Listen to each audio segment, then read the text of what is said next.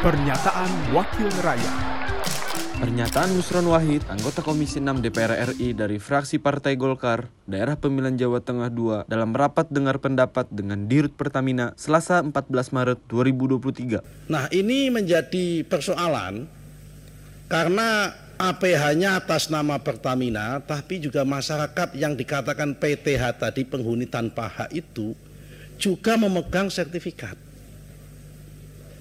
Ini menjadi menarik, ya kan? Kenapa? Karena sebetulnya ini bukan sesuatu yang baru di Jakarta.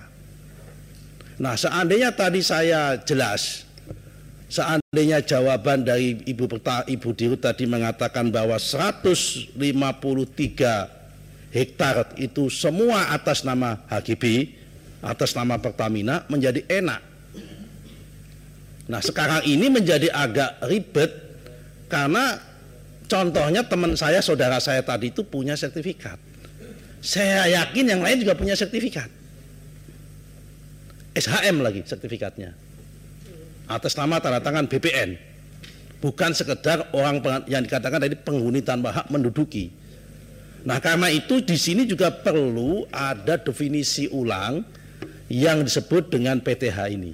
Saya belum masuk yang ke depan ya ini masih persoalannya di sini dulu. Ini akar masalah menurut saya. Nah, perkara nanti kemudian solusinya dipindah atau nggak dipindah, ini nomor dua. Ini, ini, ini urusan kesekian. Tapi yang pertama ini adalah hubungan dengan masyarakat terlebih dahulu.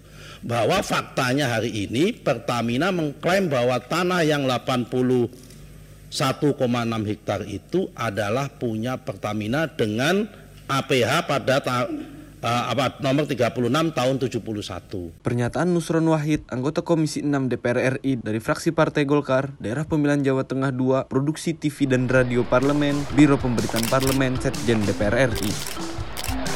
Pernyataan Wakil Rakyat